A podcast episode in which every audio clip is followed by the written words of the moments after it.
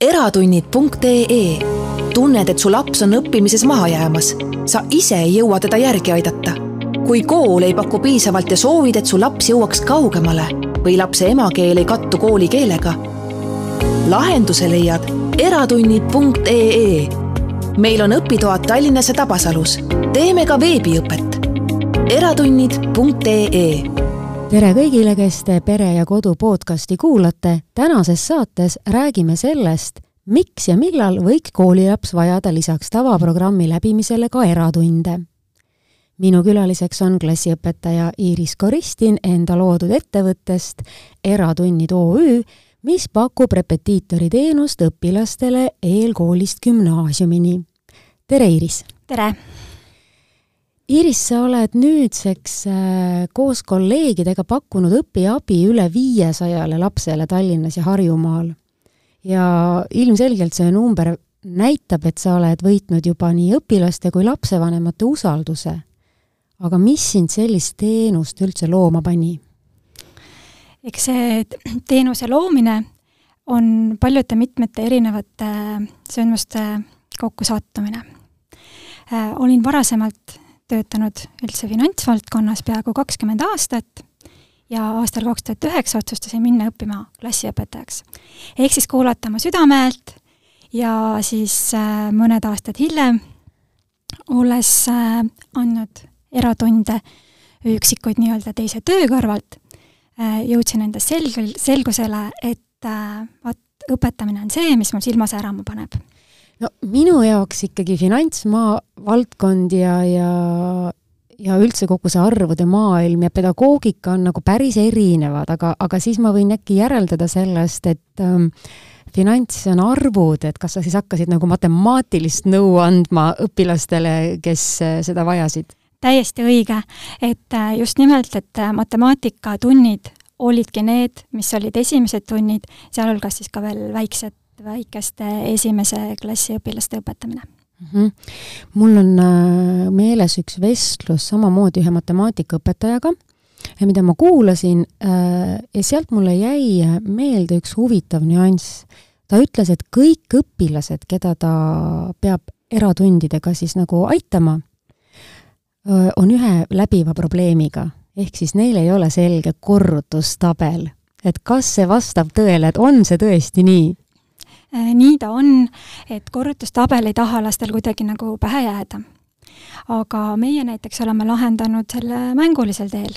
et äh, just, et kui nüüd lapsed käivad eratundides, eelkõige just äh, kolmas, kolmanda klassi õpilased, neljanda klassi õpilased, siis seda kõike tuleb teha võimalikult mänguliselt, kasutada erinevaid, erinevaid mänge, nii füüsilisel kujul olevaid mänge, kui siis ka veebi, veebikeskkondades on väga palju põnevaid mänge, millega korrutustabel lõpuks pähe saada.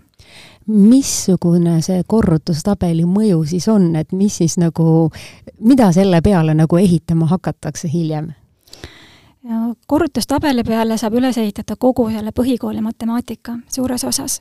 et ongi see, et, et kui tulevad näiteks õpilased äh, ette valmistama ennast üheksanda klassi lõpueksamiks, siis minu esimene küsimus on enamasti, et kas sul korrutustabel on peas.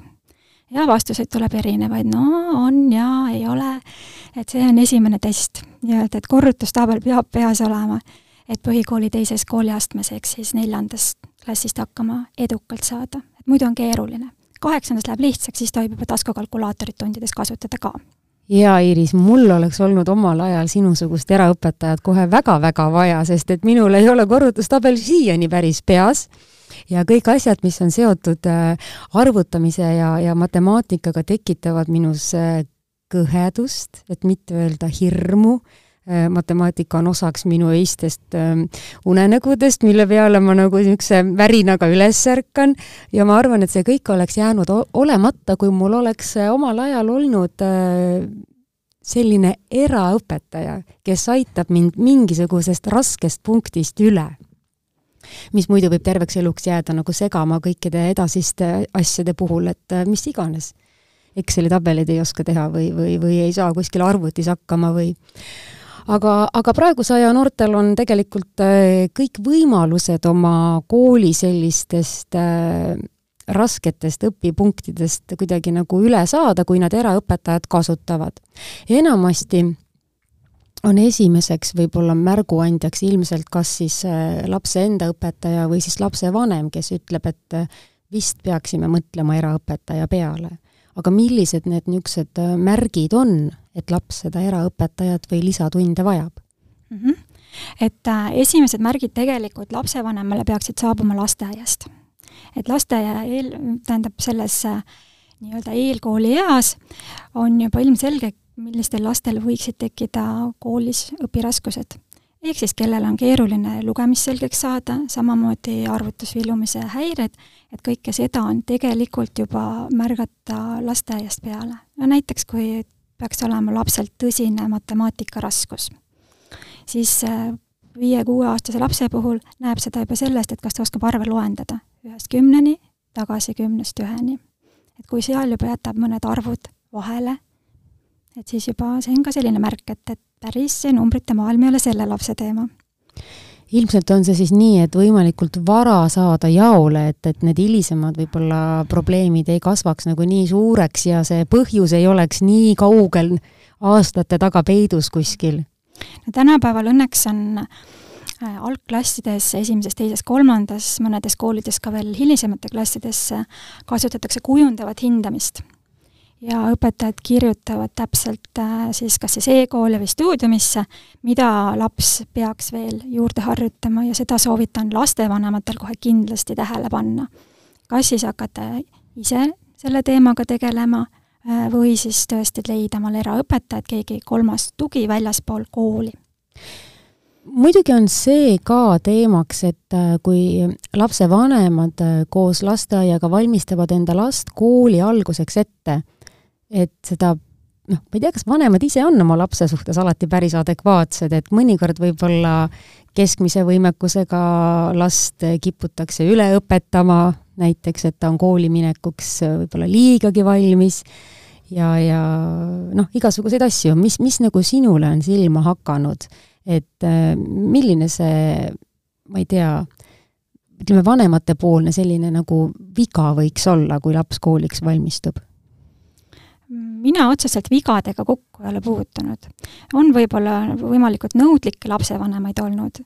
eks niisugune tore näide tuleb äh, mul on paari, kolme aasta tagusest äh, üks mälestus, kus helistab üks isa, et nii, et äh, juulikuu oli äkki jah, et nii, öelge nüüd, ma toon teile nüüd oma tütre, millal ta lugema hakkab selle peale nagu väga ei oskagi midagi vastata, et, et tuleme kohale ja tulge ka kohale ja, ja vaatame, et mis, mis, mis olukord praegusel hetkel on ja ma ei saa teile garanteerida, et laps nüüd hakkab kindlasti septembriks lugema.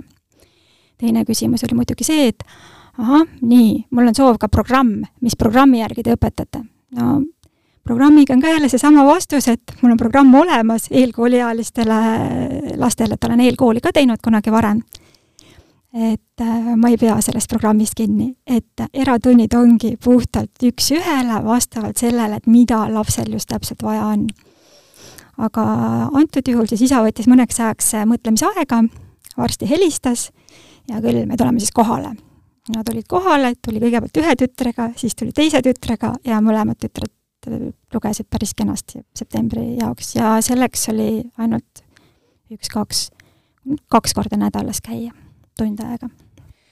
Äh, ütlesid, et äh, mingisugust programmi, isegi kui see olemas on, sa enamasti ei, ei jälgi, et äh, eks see vist ongi see eratunni või individuaaltunni suur pluss, et sa saad arvestada selle lapse eripäradega, tema tasemega, tema isiksusega, et missugused takistused on näiteks eelkooliealisel lapsel? kas nad kas nad peaksid rohkem suhtlema, vestlema, jutustama, mängima numbrilisi mänge, mis nagu, mis nagu pidurdab nende seda arengut, et nad ei ole võib-olla nii valmis, kui võiks? eks lapsed ongi kõik erineva arengu, arengutasemega. aga just üks-ühele vormis eelkooliealist last saab rohkem köita. jällegi kogemusest, et tegin ühe lapsega näiteks eelkooli ja ema, ema sai aru, et, et natuke oleks nagu veel juurde vaja ja tegin ka veel üks kord nädalas üks-ühele õpet ja see laps hakkas kiiremini lugema kui teised eelkoolis, kus nad on nagu kambakesi koos. et eelkooli erinevus siis eratunnist on see, et, et seal rohkem õpitakse, kuidas paigal olla, kolmkümmend minutit istuda ühe koha peal. et üks-ühele tund läheb märksa kiiremini, et laps ei pane seda tähelegi, sellepärast et õpetaja on ju suunatud jäägitult temale. ja lisaks eelkoolis siis või eelkooliliste laste seas on äh, väga palju ka venekeelsest perekonnast pärit lapsi, mis on nüüd viimase trend olnud ja tõenäoliselt ta jääb ka selleks, et need vanemad, kes on huvitatud, et lapsed õpivad eestikeelses õppeasutuses, siis nad juba viie-kuueaastaselt hakkavad, et lapsed tuleksid eesti keelt õppima. kui, äh, kui laps on juba algkoolis siis äh, missugused äh, valdkonnad on need, kus ta rohkem lisaabi vajab, eks mõnes mõttes see ju algkool, algkoolis nagu jätkub, et äh, tunnis läheb päris palju energiat selle peale, et nad oleksid, käituksid nagu õpetaja eeldab, nagu klass, on ju.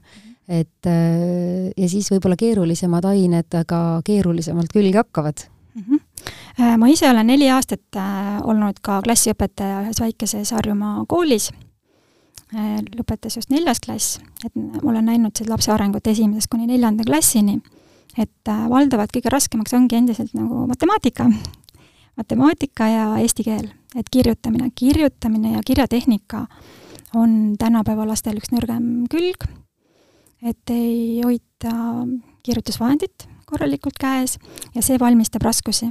et see on suuresti tänu sellele, et väga palju lapsed kasutavad elektroonilisi vahendeid.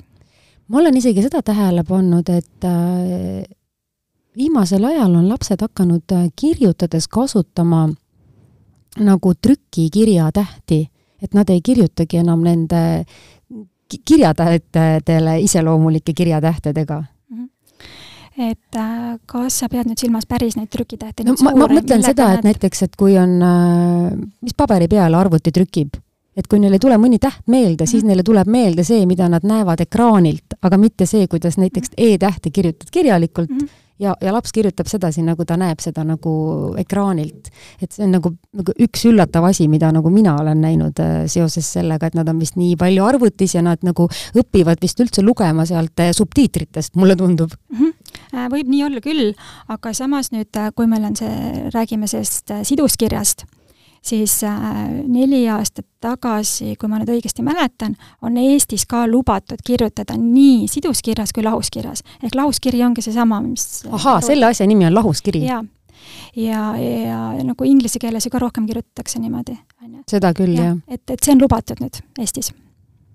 aga väga huvitav, aga see läheb muidugi aeglasemalt ta läheb aeglasemalt, aga see on väga hea nendele lastele, kelle käekiri on kehvasti loetav mm. -hmm väga põnev, väga põnev. kui me nüüd räägime veel ähm, üldse nendest eratundidest, siis äh, kas äh, eratunde vajavad lapsed on kuidagi nagu sama protsent kogu aeg näiteks, ütleme ühe klassi laste arvust või see on kuidagi aja jooksul muutunud? ma arvan, et see on aja jooksul kindlasti muutunud.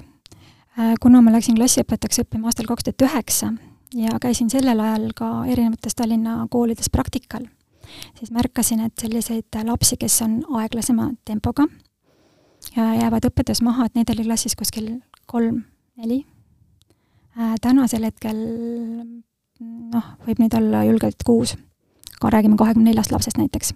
et kuus last vähemasti, need, kes on nagu aeglasemas tempos, kas on keskendumisraskused, tähelepanuraskused äh,, jah et, et see on nagu probleem tänapäeval, et just kas-, kasvab äh, selliste laste arv, kes vajavad individuaalõpet.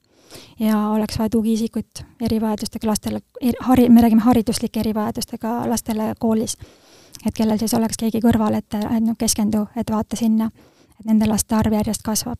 ja nende puhul ma näen ainult seda, et, et üks-ühele tugi aitab. ja esmalt peaks seda muidugi pakkuma kool praegu, kui sa räägid, et äh, on vaja tugiisikuid, siis ähm, kas mul on õige info, et tegelikult nagu see on niimoodi küll mõeldud, et klassis on äh, ka need õpilased, kes vajavad rohkem kaasamist ja neil võiks olla tugiisik, reaalsus on see, et koolidel ei ole selleks ressurssi ja kui läheb hästi, siis need lapsed jõuavadki sinu juurde. Äh, seda ka, jaa, aga õnneks äh, tänapäeval ikkagi koolides äh, juba jõuab ka see tõhustatud õpe, et need õpilased, kes on oma loomult aeglasemad, ma ei räägi seda, et tal oleks kuskil mahajäämus, et tal võiks olla probleeme, et lihtsalt, et sellepärast, et ta saaks veidikene vähendatud õpet või vaiksemaid tingimusi, siis need on juba paljudes koolides loodud ja lapsed saavad samal ajal õppida. ja hakkavad ka taas tulema nii-öelda need tasemerühmad mm. -hmm. et tegelikult mitte nüüd tasemerühmad, vaid temporühmad öeldakse nende kohta nüüd, et, et lapsed saaksidki õppida vastavalt sellele, et kes on aeglasemad, keskmised ja siis need kiiremad. väga hea, sest et äh, laps ei pruugi olla sugugi rumal, temal on lihtsalt oma info omandamise metoodika mm. -hmm ja võib-olla ta mõtleb palju põhjalikumalt asja läbi ja see võtab ju aega, et ta ei võta lihtsalt nii, et ahah, see on nii, ta peab oma peas läbi protsessima, et aga miks see on nii mm? -hmm, täpselt nii ongi ja seda on ka nagu täheldatud, et õpetaja ja siis õpilase õpistiil peaksid olema samad, siis on see tulemus sada protsenti, see on maksimaalne. et mida ma ka eratundides olen praktiseerinud, ongi see, et kui nüüd tuleb uus õpilane, siis ma esmalt üritan ise kohtuda õpilasega, et siis näha, et millist õpilast sellele õpilasele vaja on. kas ta on aeglasema tempoga õpilane, selline vaiksem, tagasihoidlikum või ta on temperamentsem õpilane. et vastavalt selle järgi siis valida ka õpetaja, kes teda õpetama hakkab, kui on võimalus seda valida see kõlab väga luksuslikult ausalt öeldes. ma vaatasin seal äh, Eratunnid OÜ kodulehel äh, natukene ringi ja kõik tundus mulle väga loogiline ja arusaadav, et äh, tunnid erinevatele vanusegruppidele ja erinevates ainetes, aga väga põnev oli see, et seal olid ka konsultatsioonid lapsevanematele, ehk siis millest siis lapsevanemaga räägitakse? lapsevanemale põhiliselt ikkagi saab anda soovitusi, et kui lapsevanem on nüüd koolist saanud õpetajalt tagasiside, et lapsega on vaja nüüd seda teha või seda harjutada, kirjatehnikat, harjutada korrutustabelit ja nii edasi, et et meie anname nõu selles osas, et kuidas ta seda saaks ise teha, missuguseid mänge mängida, kuidas äh, lapsega rohkem tegeleda, et, et millele tähelepanu pöörata, et lapsevanem ei pruugi seda teada. Kes neid eratunde üldse annavad, et äh, sa juba jõudsid mainida, et võimaluse korral, et me valime nii, et õpilase ja õpetaja õppimisstiil klapivad, ehk siis äh, sul on seal ilmselt päris kena valik erinevaid pedagooge valikus on hetkel viis pedagoogi, kes nüüd sellel kaks tuhat kakskümmend kaks õppeaastal hakkavad, aga alati tuleb neid juurde ja, ja nii, nii on olnud, kes läheb mõneks ajaks eemale, kes tuleb tagasi, oleneb, mida just tollel hetkel laste hulgas vajatakse. kes meil nagu õpetavad, et mina alati ütlen, et meie õpetajad on need inimesed, kes armastavad lapsi, kes armastavad õpetada, kelle silmad säravad mm. -hmm. kes on alati heas tujus.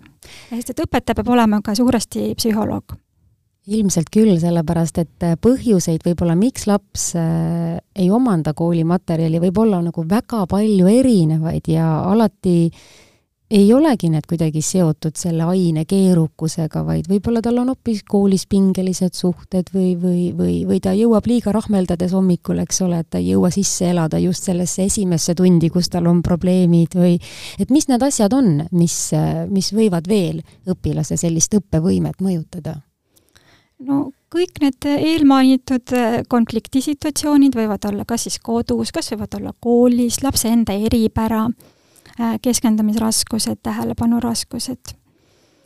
ja, ja, ja tegelikult ka see, et äh, näiteks matemaatika puhul just, et mingi, mingil ajahetkel on järg käest ära läinud. lünk on sees? lünk on sees. näiteks tuli see väga hästi välja ka distantsõppe perioodil. kui meil olid nüüd siin kaks sellist distantsõppeperioodi siin kaks kevadet järjest peaaegu, siis on hästi vahva näha, kui need lapsed tulevad nagu tundi ja, ja ta mingit teemat ei, ei tea, siis ma ütlen, et ahaa, näed, see oli see märtsikuu, aprillikuu või maikuu, aasta oli siis kaks tuhat kakskümmend.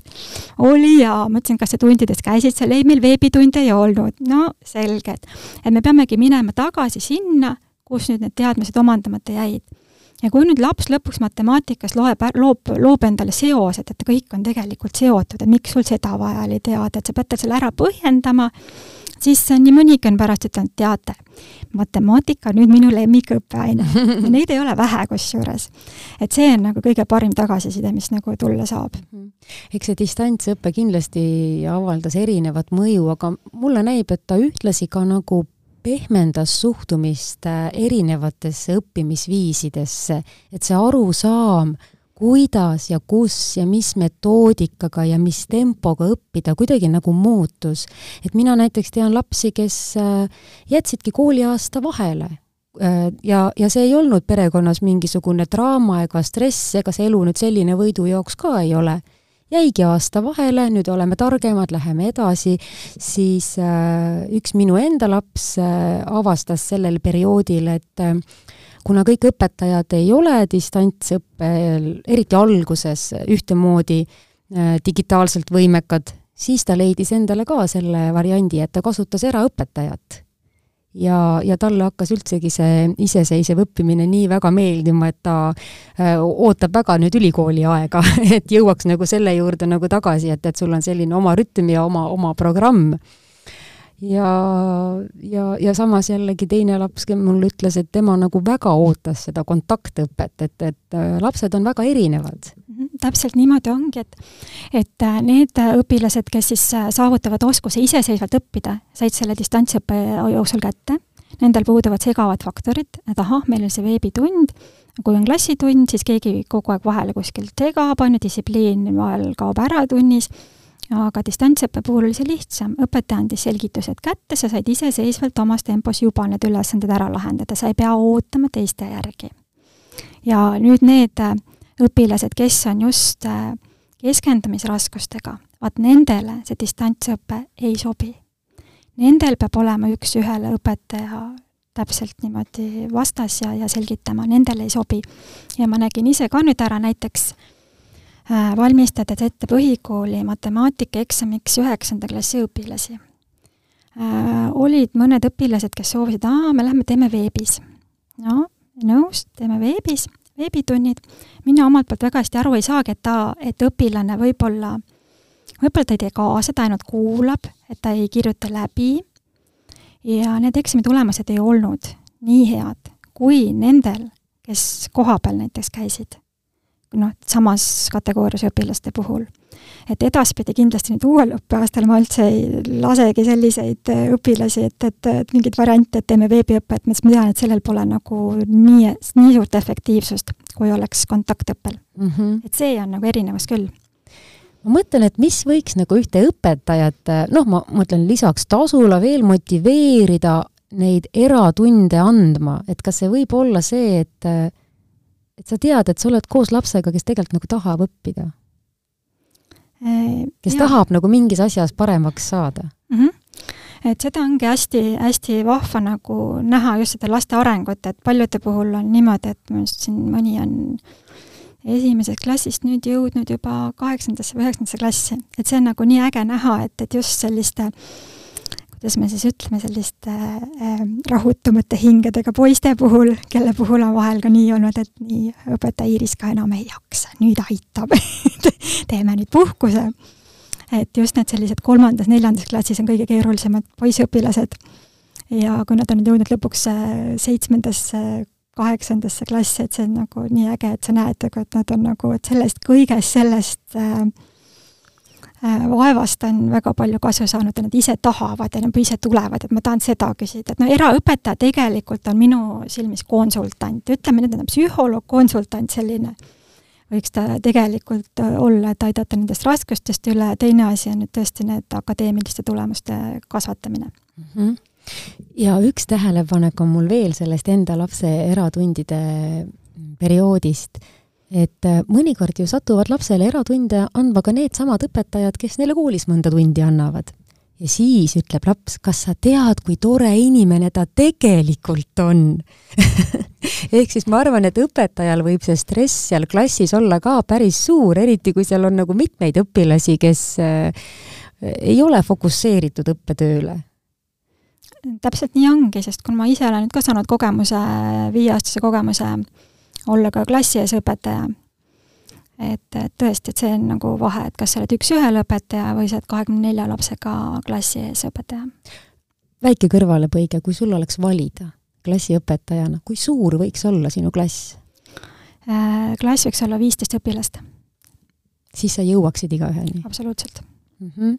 no aga samas eh, eratunde andes jõuad ühe õpilaseni, mõnikord kaheni, sest ma vaatan mm, -hmm. et seal Eratunnid OÜ lehel on kirjas ka, et võib teha sellist kahe õpilasega tundi ja mõnikord lausa nagu grupitundi, et kuidas see otsustamine käib, et mis tunnid nüüd siis tulevad?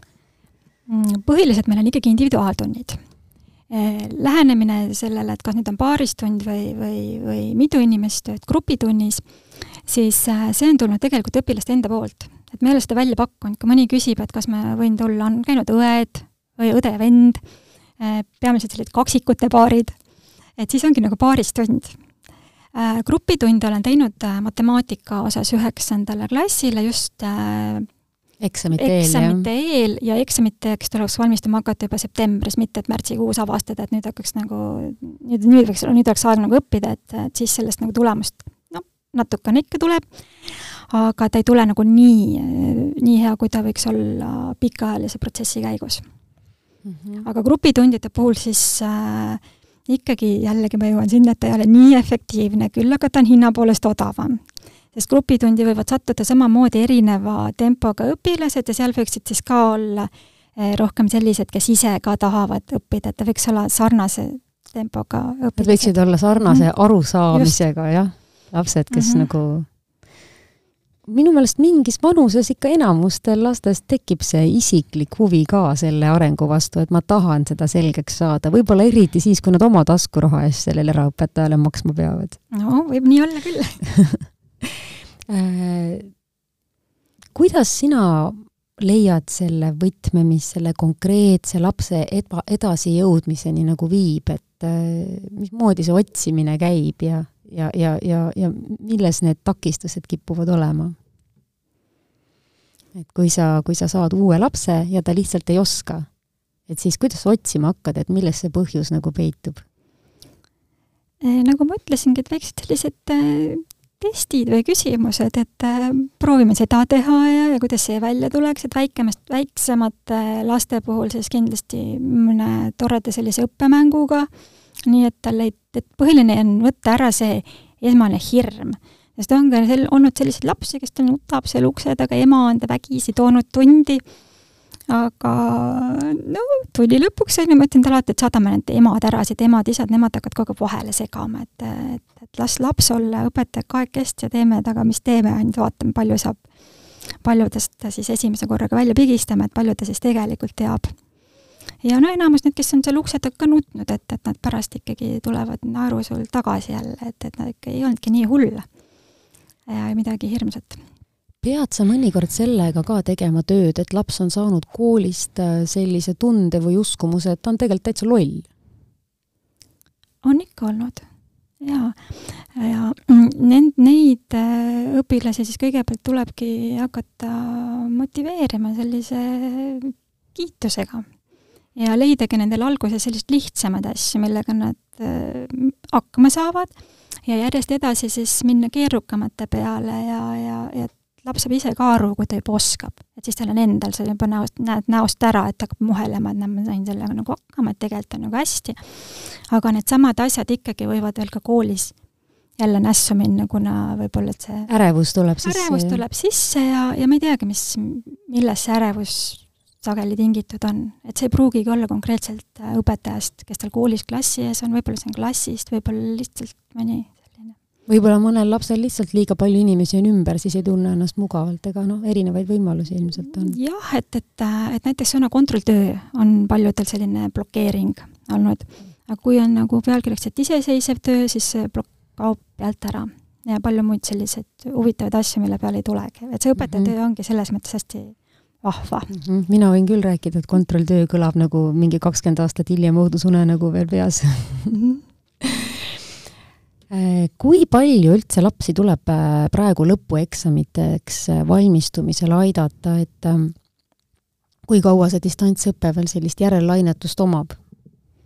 no ma kujutan ette, et paar aastat kindlasti, sest paari aastaga on ju lüngad tekkinud sinna sisse mm. -hmm. aga kui sa ütled, et seda tuleb juba alustada vaikselt septembris, siis kui intensiivne peaks olema see eraõpetajaga kohtumine, et kas kord nädalas, paar korda nädalas või vajadusest lähtuvalt, kuidas see tavaliselt käib?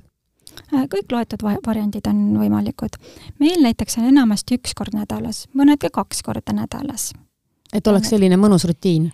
täpselt, et oleks nagu selline huvitegevus ühest küljest, et äh, et konsultatsiooni aeg, et näiteks nädala jooksul sa ei julgenud oma matemaatikaõpetaja käest sealt äh, küsida või ei jõudnud või, või need konsultatsiooniajad ju koolides on, sinna tuleb sada õpilast kokku ja nelikümmend viis minutit on õpetajal aega nende jaoks ja ta, noh, see on ju loogiline, et ta ei jõua ju kõigile seletada kakskümmend minutit seda teemat.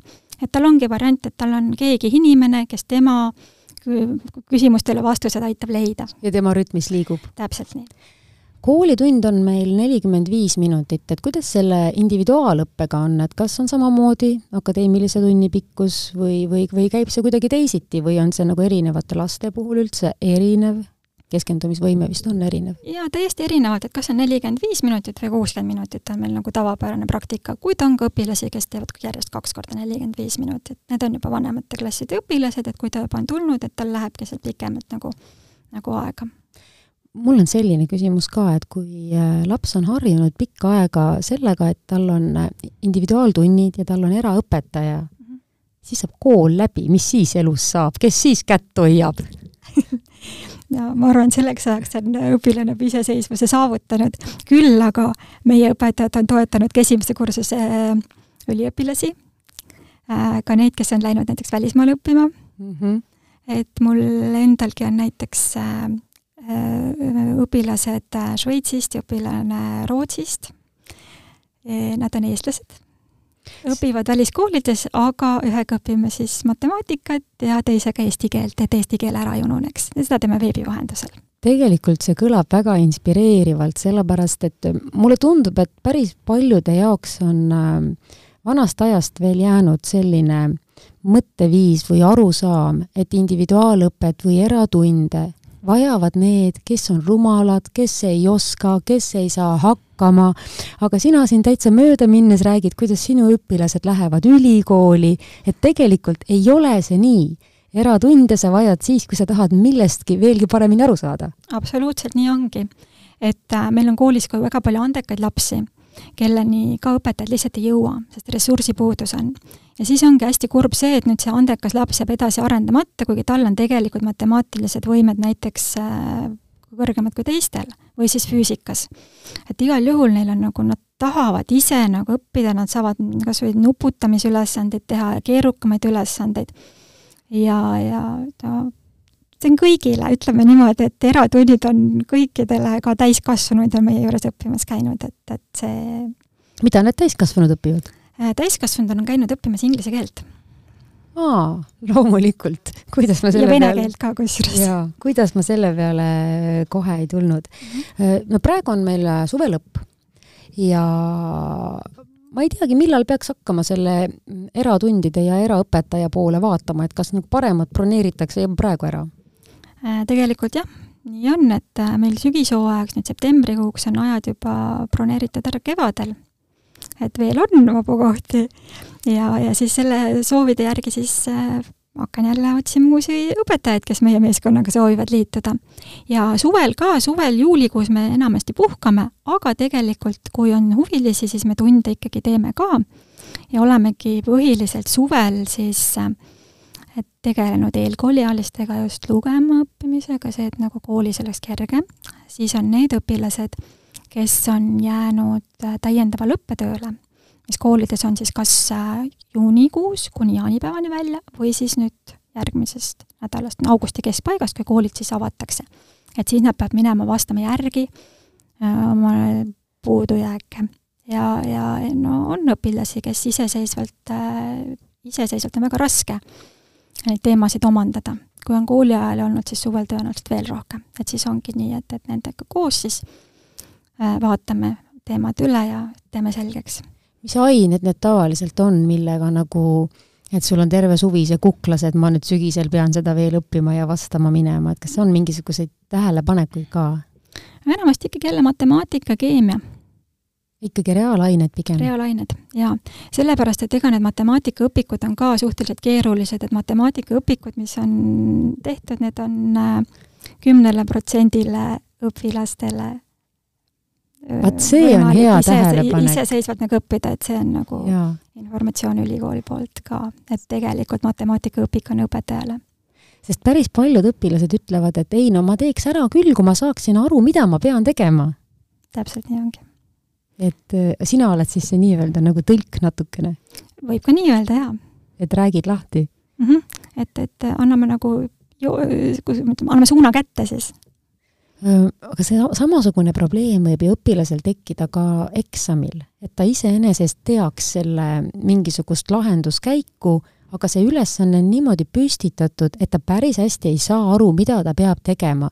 et ilmselt sellepärast ongi vaja nagu seda valmistumist, et mitte ainult ka nagu lahendamiseks, vaid ka ülesannetest arusaamiseks. just, et kuidas nagu töökäske lugeda, et see on ka hästi oluline, et seda me ka Äh, harjutame just eksamiks ettevalmistamisel, loe valjusti ette, et kuidas sa sellest aru saad. ja ongi õpilasi, kes siis ka nende spetsiifilisest eripärast, nendel peavadki olema tegelikult ju lihtsamad äh, töökäsud. Et põhikoolis vähemasti nii on, algklassidest päris palju selliseid õpilasi, nad ei saagi aru, mis nad tegema peavad. ja tõenäoliselt see jätkub ka vanemas koolieas sest ega inimese see mõtlemisstruktuur väga ju ei muutu, eks mm -hmm. ole, see jääb sarnaseks. just, ja lõpueksamite puhul on ka hästi, hästi kurb on näiteks ka see, et, et on õpilasi, kes teevad ülesande lahendused peast ära. Aga kirjutatud vastuse välja on tõesti nagu on peast super head aga punkte saab lahenduskäigu eest? kukub läbi, noh, saab olla viiekümne protsendi, sellepärast et äh, tal oli ainult vastus et tal seda õiget nii-öelda lahenduskäiku ei kas üldse on selline asi nagu õige ja vale lahenduskäik? päris, äh, päris nii ma ei oskagi nagu väita, kas nüüd on õige ja vale lahenduskäik, aga oleneb hindajast, kes see õpetaja on, kuidas ta hindab, et kuidas nad äh, seda nõuavad. Ja, ja see on päris, äh, no nüüd me hakkamegi arutama seda väike kõrvalpõige, kas nüüd sa oled olnud nii Äh, klassijuhataja kogemusega kui ka siis äh, eratundide andmise kogemusega. et kas, kui sa need kaks asja kokku paned, et kas meie koolisüsteemis võiks olla midagi sellist, äh, mis lihtsustaks nagu meie õpilastel nagu materjali omandamist, et sa ju näed eratunde andes, et noh, millest puudu on? ma näen seda, et kool ja lapsevanem võiksid ka omavahel rohkem koostööd teha Äh, koolis ongi siis just seesama, et äh, õpilaste õpetamine võiks olla vastavalt õpilase tempole. ja ma näen ka seda, et järjest enam koolidel on ikkagi võimalus seda pakkuda õpilastele. ja ma ka enda klientidele alati olen enne mõelnud, et kui tõesti on näha, et on väga suure raskusega õpilane, et äh, ole hea, pöördu kõigepealt, kus sa, noh, pöördu kõigepealt oma klassijuhataja poole, et mida tema soovitab. Äh, kui lapsel on tõesti väga rasked õpiraskused, siis ta suunatakse Rajaleidesse, äh, Rajaleidja siis annab enda soovituse või teeb mingisuguse vastava otsuse siis õpilase kohta, kuidas teda võiks toetada, kas suunata nii-öelda sellisesse väiksemasse klassi, mis ei ole alati väike klass, vaid selline, kus ta saab omas tempos õppida et seda on nagu koolile hästi nagu vaja. et võib-olla piisab isegi ainult sellest, et ei peagi võtma eraõpetajat, sest äh, inimestel on võimalused ka erinevad, et kellel on see võimalus eraõpetajat võtta, ühel rohkem, teisel vähem. no just, eks ta sõltub rahast ka, mis see maksab äh,? meil on hinnad alates kahekümne kaheksast eurost aga see kakskümmend kaheksa eurot tähendab siis sellist akadeemilist tundi ehk siis nelikümmend viis minutit? ja see sõltub siis, et kas on grupitund, paaristund või individuaaltund? just mm. -hmm. no ilmselt on see, ilmselt on see asi, mida on äh, vaja ja järjest rohkem vaja, ma usun, kui teil on juba isegi kevadel juba ära broneeritud ajad sügiseks. aga nüüd, äh, kui nüüd see sügis hakkab saabuma, siis äh, kõige rohkem ikkagi tulevad need, kes alustavad kooliga ja siis need, kes on oma suveks jäetud ülesannetega hädas ja kes veel? no nemad on püsikliendid augustis septembris tulevad siis juba püsikliendid ja. ja siis tulevad jälle tasapisi juurde uued püsikliendid. ja, ja üldiselt me oleme enda ettevõttele väga vähe avalikku reklaami ka teinud, et meie info on rohkem liikunud nii-öelda algus, algselt lapsevanematelt lapsevanematele ja, ja mida järjest edasi, et siis õpilaselt õpilasele, mis on eriti vahva, et kui õpilane on õpetajaga rahul olnud, siis ilmselgelt ta soovitab seda oma klassikaaslasele ka aga miks on nii, et õpilane läheb hirmus närvi, kui teda õpetab mõni inimene ja kui mõni teine inimene õpetab, siis nagu on kõik väga chill? no eks see on meil kõigil niimoodi ju, täiskasvanud samamoodi, et mõne inimesega lihtsalt ei sobi ühte ruumi, aga teisega miks mitte aa, nüüd me jõuamegi selleni tagasi ringiga, et mis sa alguses ütlesid, et sa kõigepealt katsud vaadata, et milline on õpilase õppimisstiil ja temperament, et siis talle leida nagu see sobiv õpetaja. just, täpselt nii ongi. ja kuna meil on olemas õpitoad, üks on Tabasalus ja teine on Kesklinnas, Tabasalus on natuke suurem, et seal meil saab olla korraga neli õpetajat, siis ongi see, et õpilased on juba erinevate õpetajatega tuttavaks saanud, nad juba õpilased ka tutvuvad seal omavahel, et igalühel on oma õpetaja üks-ühele vormis ja siis, kui on vaja näiteks õppeained eraldi vahetada või, või laps on suuremaks kasvanud, vot nüüd tuleb see õpetaja, noh, et, et see on nagu ka ta on selline oma vahva. väike paralleelkool. nagu niisugune jah, selline, et, et see ongi nagu kõige vahvam selline äh, teik on, kus üks, ühe, üks-ühele õpilane, kes siis tavakoolis suures klassis õppimisega hakkama ei saanud, astub uksest sisse ja ütleb, et oh, tead, kui siia tulen, et siis olen nagu kodus olen, et niisugune hea kodune tunne. Et see on ka selline tore tagasiside alati olnud, aitäh, Iiris Karistin! Ja väga põnev oli, oli kuulata neid äh, erinevaid lähenemisi, mida, mida Eratunnid OÜ pakub. Ja tegelikult on see, ma usun, ka paljudele suureks abiks, kui nad teie juurde jõuavad. pere ja kodu podcast on äh, selleks korraks lõppenud järgmisel korral muidugi jälle uued ja põnevad teemad. aitäh teile ja kuulmiseni! eratunnid.ee tunned, et su laps on õppimises maha jäämas? sa ise ei jõua teda järgi aidata? kui kool ei paku piisavalt ja soovid, et su laps jõuaks kaugemale või lapse emakeel ei kattu koolikeelega? lahenduse leiad eratunnid.ee meil on õpitoad Tallinnas ja Tabasalus. teeme ka veebiõpet eratunnid.ee